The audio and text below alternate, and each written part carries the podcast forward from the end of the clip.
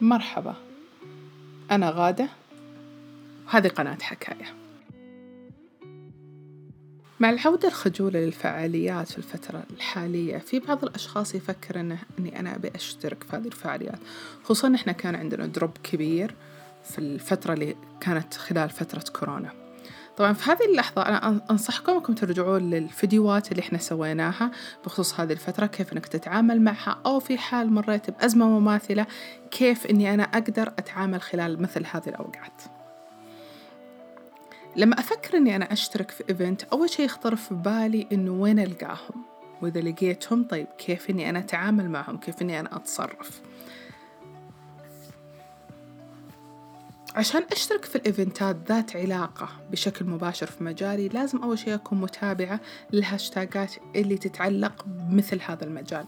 بالنسبة لي الهاشتاجات اللي تدخل في مجالي هي الأنمي الأوتاكو الكوسبلاي آه، ممكن أتبع عن أنمي جديد لسه نازل فأبدأ أشوف الناس إيش يتكلمون عنه. هذا الشيء ياخذ منك وقت جدا كبير أنك أنت تتابع خصوصا لو كانت الهاشتاجات هذه. فيها تويتات كثيرة أو فيها مثلا بوستات في الإنستغرام كثيرة. كيف تقدر أنك أنت تتابعها بشكل دائم ومتواصل. فلازم تحدد عندك وقت في اليوم أنك أنت تفلترها وتبدأ تناظر آه، كيف أنك أنت تتابعها. هذا أول شيء. الشيء الثاني لازم أكون نشيط على أحد الشبكات الاجتماعية اللي موجودة فيها فئتي المستهدفة. ليه؟ كيف راح يفيدني هذا الشيء؟ ممكن المستهلكين يرسلوا لك الإعلان يجونك يقولوا لك والله أتمنى نحن نشوفك في المكان هذا. ممكن نفس الفعالية يرسلوا لك دعوة إن إحنا نبيك تشارك في مثل هذا الإيفنت أو مثل هذه الفعالية. فهذا الشيئين راح يساعدونك أنت تتابعها. برضو لما تكون نشيط على أحد الشبكات الاجتماعية راح يبدأ الذكاء الصناعي لهذه الشبكة يقترح لك هذه الأشياء فبتطلع بشكل دائم عندك في الصفحة حقتك تبدأ أنت تناظرها وتشوفها. الحركة الثالثة ممكن أني أنا أتابع أحد المراكز أو الشركات المتخصصة بالاستضافة لمثل هذه الفعاليات أو المعارض. عندكم مثلا مركز الرياض للمعارض عندهم رزنامة سنوية يحطوا لك السنة كاملة. إيش الأيام اللي انحجزت؟ تقدر أنت ترجع للشركة نفسها تتواصل وياهم تبدأ تتكلم وياهم. هل أنتم عندكم أي فعاليات قادمة؟ أني أنا مهتم مثل هذا الشيء. ممكن كمان أتابع الشركات المنظمة أعرف إعلاناتها أتابع حساباتها مو بس أني أنا أطلع عليها من فترة لفترة. أتبعها أحط أشغل زر التنبيهات بحيث أي شيء ينزلونه على طول يعطي تنبيه فأبدأ أعرف. طيب هذه هي خطوات إن إحنا نتبعها. لكن يبدأ عندك الخطوة الأولى واللي هي الأساسية أنك لازم تعرف من المهتم بمثل هذه الفعاليات. يعني مثلا هل هي تتسوى داخل كافي داخل مول؟ هل هي لازم تكون في معرض؟ هل في جهة منظمة؟ مثلا إذا أنت تشتغل عمل يدوي ممكن ترجع تشوف منتجون. ممكن تشوف مثلا الفعاليات المهتمة بالأعمال اليدوية. ممكن كمان أني أرجع للوراء في البوستات القديمة. لأشخاص معينين. يعني أنا شفتهم شاركين في event فأرجع ورا وأبدأ أدخل على حسابات الإيفنتات اللي اشتركوا معهم. أبدأ أتابع ناس في نفس المجال. هنا نرجع للشيء اللي إحنا قلناه مسبقا قلناه إن إحنا لازم يكون عندي شبكة من العلاقات في ذات المجال. لأن هنا ممكن هم يساعدونك ويعلمونك على الإيفنتات اللي موجودة أنا آه سمعت على ال event اللي صاير في المكان الفلاني أو ممكن يرسلوا لك. ممكن أحيانا تلقى شخص يشاركك الطاولة يبحث عن شريك. فهنا أنت تقلل من المبلغ اللي انت تدفعه. هذا هي أول شيء كيف أشترك في ال event. طيب تواصلت معهم اشتركت وياهم وال event بعد ثلاث أيام أو بعد أسبوع. هل في أشياء أحتاج إني أنا أسويها قبل ما أروح في ال event أو لا؟ بالنسبة لي بحثت كثير في الأونلاين ماني لاقية إيش الأشياء اللي المفروض إني أخذها؟ طب أنا عارفة إني أنا باخذ المنتجات اللي بعرضها لكن إيش كمان ممكن أخذ معي؟ المحتوى العربي ما في مثل هذه القائمة ما في شيء أحد يعلمك إيش المفروض تاخذ إيش المفروض ما تاخذ. فلما تروح هناك تكتشف بالمحاولة والخطأ للأسف أنه إيش الأشياء اللي المفروض أنك أنت جبتها معك؟ كيف أنك تسوي باكينج لأغراضك؟ أو نقول إن إحنا كيف إنك تضيف أغراضك وتاخذها. في هذا الشيء في أول event اشتركت فيه ارتكبت غلطة إني أنا جمعت أغراضي في بوكسات وبعدين نقلتها. البوكسات ما كنت أقدر أخذ box مرة كبير. على أساس أرتب المنتجات. بعدين وقت الضف ما كنت عارفة كيف أرجع المنتجات مرة ثانية. لل box بنفس الترتيب لأن تتغير عندك الأشياء خلال هذه الأيام.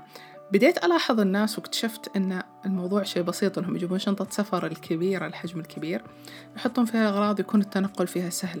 أنا كنت جايبة بوكسات وجايبة عربية فكان عندي شيء مرة كثير أني أنا أتنقل. طيب الحين أنا بسوي لكم قائمة جدا سهلة. إيش الأشياء اللي أنا أحتاجها؟ أول شيء بتأكد أن المنتجات اللي عندي كافية لل event مثلا أنا عندي event من ثلاث أيام أو من يوم واحد. أحيانا ممكن يجونك يعرضون عليك شهر أسبوعين على حسب أنت إيش اللي معروض عليك. أتأكد أنا مثلا لو بعت كل يوم كذا حبة كم راح يبقى عندي. ممكن كمان أني أنا يكون عندي مخزون فأنا عارف أنه إذا خلص المنتجات عندي خلال مثلا ثلاث أيام اليوم الرابع والخامس السادس أنا بجيب هذه الكمية الثانية. لأن إحنا نحط في الاعتبار أنه ممكن المنتجات تخلص وما تبي تقعد أنت ثلاث أيام الجاية ما عندك ولا شيء تعرضه طاولتك فاضية وراح عليك اليومين بخسارة. فأحدد المنتجات اللي عندي إنها تكون كافية. إذا أنت تشتغل بعمل يدوي تتأكد أنك قبل بفترة كافية عندك منتجات كافية لهذا الشيء.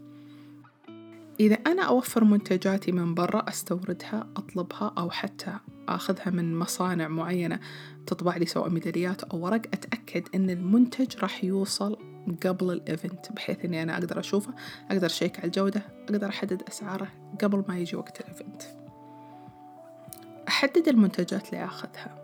ارتكبت غلطة في أول event وممكن الثاني إني أنا كنت أتخيل المفروض أخذ كل المنتجات اللي عندي. لكن حاليا صرت أعرف أني المفروض ما أخذ كل شيء.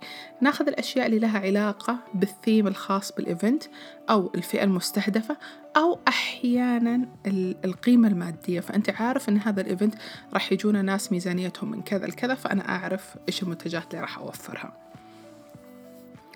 أحط الأسعار على المنتجات قبل ما أدخلها في ال box أو الشنطة اللي أنا باخذها معي. لأنك فيما أنت قاعد ترتب حتى لو أنك أنت رتبت في وقت بدري إلا ما يطيح السعر أو أنك تنسى أنك تحط السعر المستهلك ما راح ينتظرك أنك أنت تدور في سجلاتك وتشوف بكم السعر. بالإضافة أنه يقلل عليك الوقت والشغل اللي أنت قاعد تسويه داخل ال event. لو صار لك أي شيء في الطريق زحمة ما فتحوا الموقع آه، جيت لقيت مشكلة صايرة يعني مثل في واحد من ال event ات اللي اشتركنا فيها كان المكان في موقع خارجي ومغطى بشكل تام لأنه كان في الشتاء لكن فجأة انصدمنا لما حضرنا أنه كانت تمطر طول الليل واللي سوى ال event حط الخيمة وحصنها من فوق كويس لكن الأساسات ما اشتغل عليها. فالموية دخلت من الأرض ورجعت طلعت داخل ال event فجينا الموية مرة ناقعة. اللي كانوا حاطين مفارش وأشياء قماش على الأرض اضطروا أنهم يرجعون يعيدون من أول وجديد يغيرون مفارش يغيرون كل هذه الأشياء اللي صارت. فنتوقع أن مثل هذه الأشياء تجي. أحط عندي وقت إضافي داخل ال event إني أنا أتعامل مع كل الأحداث اللي تصير بشكل فجأة. فوضع الأسعار في البيت راح يساعدك إنك أنت تقلل من الجهد اللي أنت قاعد تسويه. فيما إحنا نتكلم عن الأسعار برضو أحتاج إني أنا أحدد آخر حد للخصم اللي أنا راح أعطيه. بيجيك مستهلك يقول لك طب اخصم لي فيها. أو مستهلك شرى منك خمس ست قطع. أنت حاب أنك تعطيه خصم فيها. لازم تحدد إلى أي حد أنت تبي تنزل في السعر. هذا يعتمد على تكلفة المنتج وهامش الربح اللي أنت تبي تطلعه. هنا أنصحكم ترجعون لحلقة التسعير وبرضو الحلقات اللي تكلمنا عن المال في العمل التجاري راح تساعدك بشكل كبير. أتأكد من المساحة اللي راح يقدمونها لي المكان المنظم. كم؟ متر في متر. هل لها جدران؟ ما لها جدران. هل في طاولة؟ هل في كرسي؟ هل في رفوف؟ هل أقدر أعلق على الجدران؟ هل في مجال أني أنا مثلا أعلق رف أعلق لوحة. هذه الأشياء راح تساعدك أنك تبني الشكل اللي راح تصمم فيه. برضو راح أتأكد من الإضاءة. هل نور الشمس يدخل أو لا؟ هل الإضاءة داخل المكان كافي أو لا؟ آخر event شاركت فيه كان الشهر الماضي. تفاجأنا أن الإضاءة جدا جدا جدا جدا ضعيفة. في اليوم الثاني وفرت إضاءة لكن ما كانت بالشكل الكافي. مكاني في الإيفنت كان مواجه للقزاز فتوقعت أن الإضاءة بتدخل بشكل جيد لكن نسيت أن موقع المكان اللي إحنا فيه كانت الشمس ما تظهر عليه إلا في الظهر. من العصر الشمس ما تدخله بتاتا لأنها مالت للجهة الثانية فتصير في خلفه تماما. فسواء في قزاز أو ما في قزاز أنا ما استفدت لأنه ما كان في إضاءة. اضطريت في اليوم الثالث أني أنا أوفر إضاءة صغيرة على أساس أنها تعطيني النور الكافي ليبرز أعمالي. فنتأكد هل الإضاءة كويسة هل تدخل الشمس هل أحتاج أني أنا أوفر إضاءتي الخاصة أو لا. إذا أنت بتوفر إضاءتك طبعا لازم تحتاج تعرف هل في أفياش كهرب توصيلات كهرب أقدر أوصلها أو لا. هذه الأشياء تسألها المنظم. أساس تعرف أنت إيش تجيب معك شو ما تجيب. بناء على هذه المعلومات راح أرسم تصور مبدئي لعرض المنتجات. أنا كيف أعرضها؟ أول مرة ما سويت هذا الشيء. آه، كان عندي صورة ضبابية كيف إني أنا راح أرتب المنتجات. فهذا الشيء أدى إني في اليوم الثاني رجعت أرتب مرة ثانية في اليوم الثالث رتبت مرة ثالثة لأن أنا مو بعاجبني. آخر event كان عندي صورة واضحة بالضبط. أنا وين بحط المنتجات؟ عندي نوع من المرونة إني أنا وين بحرك الأشياء إني أنا ممكن أحركها هنا أو هنا. نوع المفارش اللي بحطها. فهذا يقلل من الوقت اللي أنا قاعدة أشتغل فيه. يحدد لي كل منتج بالضبط وين أنا راح أعلقه هنا أنصحكم ترجعون لل Pinterest. المشاركين العرب ما يشاركون هذه المعلومات. فبالصدفة أنت تكتشف. أنت لما تروح تبدأ تسأل الناس اللي جنبك من وين وفرتوا هذا ال stand من وين اشتريتوا هذا الشيء. لكن أنت قاعد في البيت وتبي تعرف والله بكرة أنا بعرض ال event أو بعد بكرة كيف أعرض بشكل كويس؟ للأسف ما في. استفدت من الإيفنتات أني أنا قدرت أعرف إيش راح أعرض. حاليا أنا أستخدم لوحة من إيكيا بعرضها لكم. فصور هذه اللوحة تساعدني. هي أصلا للمكتب. آه ميزتها أنها نفس البيجي بورد الأمريكية. آه تقدر أنك تعلق عليها زي المعاليق بأطوال مختلفة خيوط آه رفوف وأقدر أني أنا أعرض المنتجات بطريقة تناسبني. برضو في واحد من ال event ات آه انصدمت إنه ما كان في جدار. فبحثت إيش أفضل طريقة إني أنا أقدر أعرض منتجاتي بدون ما يكون عندي جدار لأن طريقة العرض على الطاولة ما تناسب أبدا منتجاتي. فلقيت طريقة إني أنا أجيب المعلاق حق الملابس وأستخدمه كبديل للجدار بحيث إني أعلق عليها اللوحات. هذه الأشياء أخذتها من إيكيا. استغليت إنه في فترة الخصم إني أخذها بسعر كويس. هي سعرها already حلو لكن إذا تبي تقلل التكلفة فحلو إنك تستفيد من التخفيضات. مو إعلان ولا شيء لكن هذا أشياء أنا استفدت منها من خبرتي. اطلعت على أشخاص ثانيين وشفت كيف يسوون. طالما أنت حددت الأدوات اللي بتجيبها وحددت طريقة العرض كيف أنك راح تستفيد من المساحة راح أعرف إيش أحتاج من أدوات. هل تحتاج مقص؟ هل تحتاج تيب؟ هل تحتاج آه، لوح مسامير؟ كل الأشياء اللي أنت بتعرضها مثلا أنا بعرض منتجاتي. مثلا عندي ثلاث ميداليات. هذول الميداليات يحتاجون معلق قصير. عندي مثلا poster. ال poster يحتاج clips على أساس إني أنا أعلقه. عندي تيشرتات فأحتاج معالق ملابس. هذه الأشياء اللي أنا أحتاجها بناء على المنتجات اللي بعرضها بطريقة عرضي لها. هذه الاستعدادات. طيب الحين أنا بضف شنطتي. إيش الأشياء اللي أحتاجها؟ أول شيء مبالغ بفئات صغيرة. خمسة ريال. عشرة ريال مو مهم كثير. إذا أنت عندك خمسات كفاية. أهم شيء ريالات. لازم لازم لازم لازم لازم تجيب ريالات. الريالات شيء مرة مهم. بتلقى تجار كثير يبحثون عن الريالات. فكيف أنك تحصل الريالات؟ أو المبالغ الفئات الصغيرة تقدر تروح لصراف الإنمة عندهم صرافات بالفئات الصغيرة. أنصحكم إنكم تروحونها. يصرف أتوقع خمسة ريال آه خمسين ريال. ماني متأكدة من الريالات. أول كان يصرفها لكن حاليا ما يصرفها. ممكن تاخذ المبلغ كاش معك. خمسمية أو ميتين ثلاثمية. تروح الأقرب بنك عندك فرع وتقول له أبيها فئات صغيرة وتحدد له قد إيش الفئات. ممكن أنك أنت تروح لبنكك ومعك بطاقتك وتقول أبي تسحبون من حسابي هذا المبلغ وتعطوني إياه. بشكل فئات صغيرة. كل هذه الخيارات متوفرة لك. نصيحتي أنه لازم تروح قبل بيوم على الأقل من ال event بحيث أنك تضمن أن أي أخطاء أو أي تأخير ما تأثر على وجودك. الشيء الثاني اللي أحتاجه أحتاج قائمة بمنتجاتي. هذه القائمة إيش فيها؟ بعرض لكم القائمة اللي أنا عندي. هذه القائمة أستخدمها دائما في ال event ات. هذا قائمة من تصميمي الشخصي. آه قررت أني أنا أحتاج بناء على تجربتي أني أنا إيش الأشياء اللي أحتاجها فأول شيء بتحط في هذه القائمة أسماء المنتجات. إيش المنتج اللي أنت جايبه؟ المسلسل حقه مثلا عشان تعرف أنا جايب معي خمسة عشرة خمسة عشر منتج. بعد كذا الكمية اللي أنا حطيتها معي. أنا ما يهمني الكمية اللي أنت اشتريتها. ما يهمني الكمية اللي موجودة في موقعك. يهمني الكمية اللي موجودة الحين معك في الإيفنت. كم تكلفتها؟ كم سعر البيع؟ وكم الخصم اللي أنت الحد الأعلى للخصم اللي راح تنفذ عليها؟ بعد كذا راح تسوي مكان فارغ عندك خيارين. أنا سويت مرتين.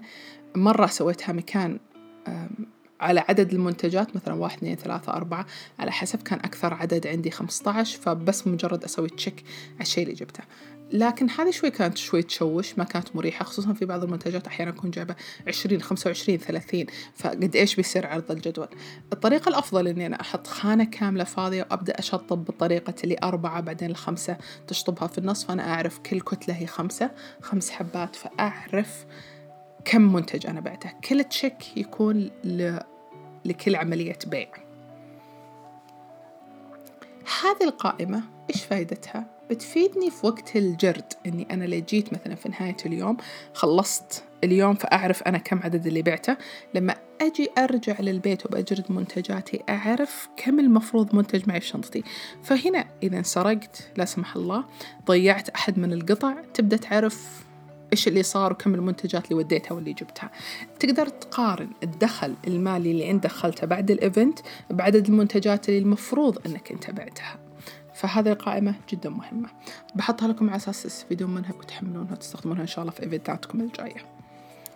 راح تاخذ شنطة إسعافات صغيرة. هذا الشيء جدا مهم. إيش اللي تحتاج داخل شنطة الإسعافات الصغيرة؟ لزاق جروح مسحات طبية آه للبنات بتحتاجون مقص أظافر مبرد. أحيانا إذا آه أنت حاطة لون أو مناكير بتحتاجين إنك مسحات مزيلة للمناكير لأن هذه الأشياء تنصدم أنها تصير. ما قد حضرت ولا event إلا تكسرت أظافري هناك. مهما كانت طويلة قصيرة تتكسر لسبب أو لآخر. راح تحتاج مقص tape أو لصق شفاف ممكن كبير قصير هذا شيء راجع لك. sticker ات للأسعار إضافية على ال sticker ات اللي أنت حطيتها already في البيت. في حال أنك أنت قررت تخصم في السعر أو أحد المنتجات اكتشفت أنه ما عليه سعر. راح تحتاج الأقلام. ممكن الأقلام العادية. أنصح بالقلم اللي فيه أكثر من لون أربع ألوان وقلم رصاص بحيث أنك بيكون معك قلم واحد. تقدر تستخدمه أكثر من استخدام. ممكن تاخذ highlighter هنا ال highlighter أنا أستفيد منه إذا صار المنتج sold out أسوي highlight عليه على أساس لو أحد سألني أصير عارفة إيش اللي صار. راح تاخذ معك موية سناك مشروبك المفضل. أحيانا وأنت واقف ما راح يمديك إنك تتحرك. مر علي event ات إني أنا أكون واقفة طول الخمس ست ساعات. بدون ما أقدر أتحرك إني أنا أروح أشتري لي شيء. إلا في حال كان معك أحد ممكن يغطي مكانك. أحيانا حتى لو غطى مكانك أنت قاعد تخسر ناس قاعدين يمرون يسألونك أو يتعرفون على منتجاتك. فإحنا نقلل هذه الخسارة بحيث إني أنا أجيب أغراضي معي. أتأكد إني أنا طول الوقت أشرب موية. ما يجيني جفاف من الوقفة لفترة طويلة بدون ما أني أزود جسمي باحتياجاته راح تحتاج برضو لمناديل عادية ومناديل رطبة. المناديل العادية عارفينها استخدامها العادي. مناديل الرطبة ليش؟ لأنك مع الاستخدام والتلامس مع الناس خصوصا هذه الفترة أه تحتاج إنك أنت تعقم يدك بشكل دوري. المعقم بالنسبة لي ما أحسه ينظف مية بالمية. كشيء شخصي أنا أحب. أمسح بالمناديل الرطبة بعد كذا أستخدم المعقم. كبديل إني أنا لين أقدر أروح وأنت بكرامة دورة المياه وأغسل يدي بالموية والصابون. فهذه من الأشياء اللي أحسها مرة مهمة. راح تحتاج برضو للسجادة أحيانا يكون المصلى بعيد عن مكانك أحيانا ما تقدر إنك تبعد فتحتاج إنك أنت تصلي في مكانك فأفضل شيء جيب سجادتك معك. طبعا منتجاتك بتكون معاك منتجاتك وعليها الأسعار أنت مرتبها بالطريقة اللي أنت بتعرضها شيء تتسلى فيه خلال فترة الركود. ما نقول دائما أن الإيفنتات طول الخمس أو الست ساعات راح تكون جدا مزحوم تتكلم عن الناس لكن برضو ما نقول إنها طول الوقت بتكون فاضي. بتمر عليك فترات ارتفاع وفترات ركود. خلال فترة الركود إيش تحب تسوي؟ تقرأ تلعب بجوالك تحب تتفرج أفلام تحب تسمع شيء. خذ معك شيء يسليك خلال هذه الفترة. جيب معك box للفلوس أو شنطة. في ال event ات الكبيرة اللي تعطيك طاولة وفي مكان إنك أنت تخبي أغراضك تحت هنا أنصحك بشنطة للفلوس بحيث إنها تقسمها وتبدأ تفصل المبالغ الكبيرة عن المبالغ الصغيرة. إذا الإيفنت لا ما يوفرون لك إلا طاولة صغيرة ما تقدر إنك تتوزي وراها أي شيء. هنا أنصحك بالشنطة تكون معلقة فيك تبدأ تفصل فلوسك الخاصة عن فلوس اللي أنت المبيعات اللي تدخلها. لما تجي تشتغل حاول أن الفئات الكبيرة المئات والخمسينات وأعلى أنك تحطها في ظرف منفصل. فشنطتك تكون عبارة عن ظروف هذه الظروف فيها المبالغ اللي أنت تأخذها. برضو تكون عارف الصرف اللي أنت جبته معك فلما تيجي في نهاية ال event تبدأ تحسب المبالغ المالية تقدر تفصل ما بين المبلغ اللي دخلته والمبلغ اللي دخل عليك من ال event جهاز الدفع بالبطاقة إذا عندك أو اشترك في STC Pay. البنوك يقدمون لك نقاط البيع إذا عندك سجل تجاري فيها إجراءات وأشياء طويلة.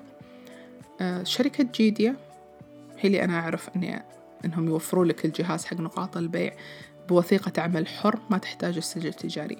ما أعرف إذا في شركات ثانية توفر لك هذه الخدمة أعرف جيديا لأني سبق تعاملت معهم.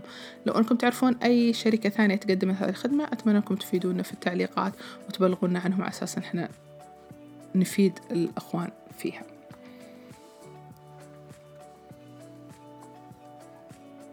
إذا الإيفنت أكثر من يوم تأكد قبل بداية كل يوم أنك ما تأخذ معك فئات الفلوس الكبيرة.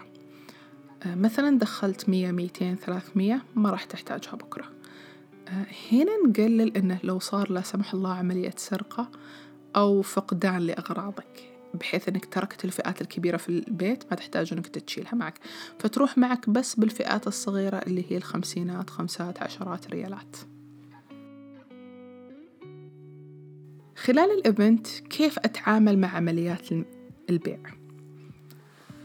أول شيء بعد كل عملية بيع راح أسجل عدد المنتجات اللي بعتها.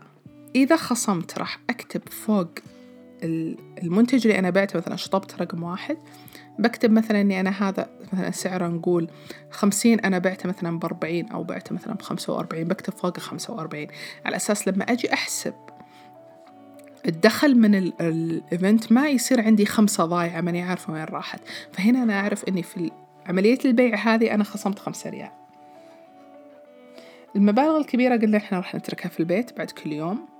فأنت أول ما ترجع البيت راح تحسب كم دخل هذا اليوم. أنا اليوم الأول بعت بمبلغ كذا في اليوم الثاني مبلغ كذا في اليوم الثالث مبلغ كذا. لما تجي تروح اليوم الثاني أتأكد أن الفئات الكبيرة تركتها في البيت.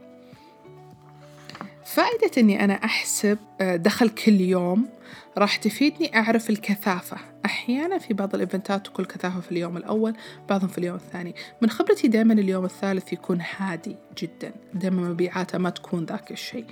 إلا إذا حدث شيء معين صار إعلان أكثر أو أيا كان اللي صار. قبل ال event تأكد أنك أنت تعلن عن حضورك.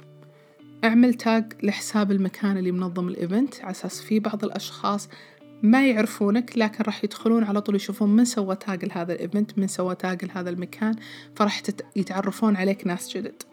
شارك صور يومياتك في ال event سواء في سناب في story انستغرام في تيك توك ايا كانت وسيلة التواصل الموجودة عندك. شاركها استخدم الهاشتاجات اللي يستخدمونها المركز نفسه لأن كل الحضور بيستخدمون هذه الهاشتاجات. اللي ما حضروا راح يدخلون هذه الهاشتاجات على أساس يشوفون إيش اللي قاعد يصير في المنطقة. شجع عملائك على الحضور. قدم لهم خدمات مميزة قدم لهم عرض خاص منتجات جديدة أشياء مميزة أن تخليهم يتحمسون أنهم يجون. شجعهم أنهم يستعرضون المنتجات اللي موجودة من زملائك التجار. لأن الموضوع يعني الربح والخسارة في يد ربي. فأنت لا تقول إني لا والله ما راح أوجهه للي كان البائع الثاني لأنه ممكن يقلل من مبيعاتي أبدا. إذا شفت شيء عند زميلك عادي ممكن تنصح اللي موجود عندك. شوفوا هذا البائع حلو. أحيانا يصير فيه تجار جدا لطيفين جدا مميزين. لما يحضرون الإيفنت معاك يصورون منتجات كل شخص موجود معانا. يسوون تاج لحسابك في حساباتهم في يومياتهم. يساعدون مستهلكينهم وزباينهم يوصلون لك. فحلو مثل هذه العلاقات إنك أنت تنميها لأن الرزق والخسارة في يد ربي ما حد في يده شيء. فأنت إحنا نساعد بعض ندعم بعض نحاول نوصل لمكان واحد مع بعض.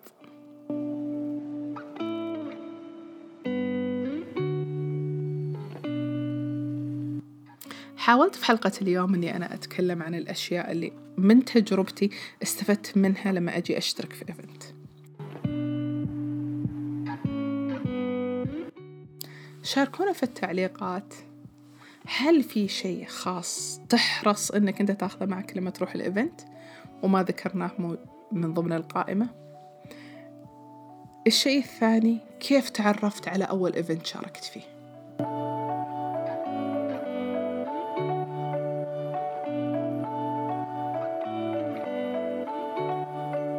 شاكرة لكم لاستماعكم وأتمنى لكم يوم سعيد.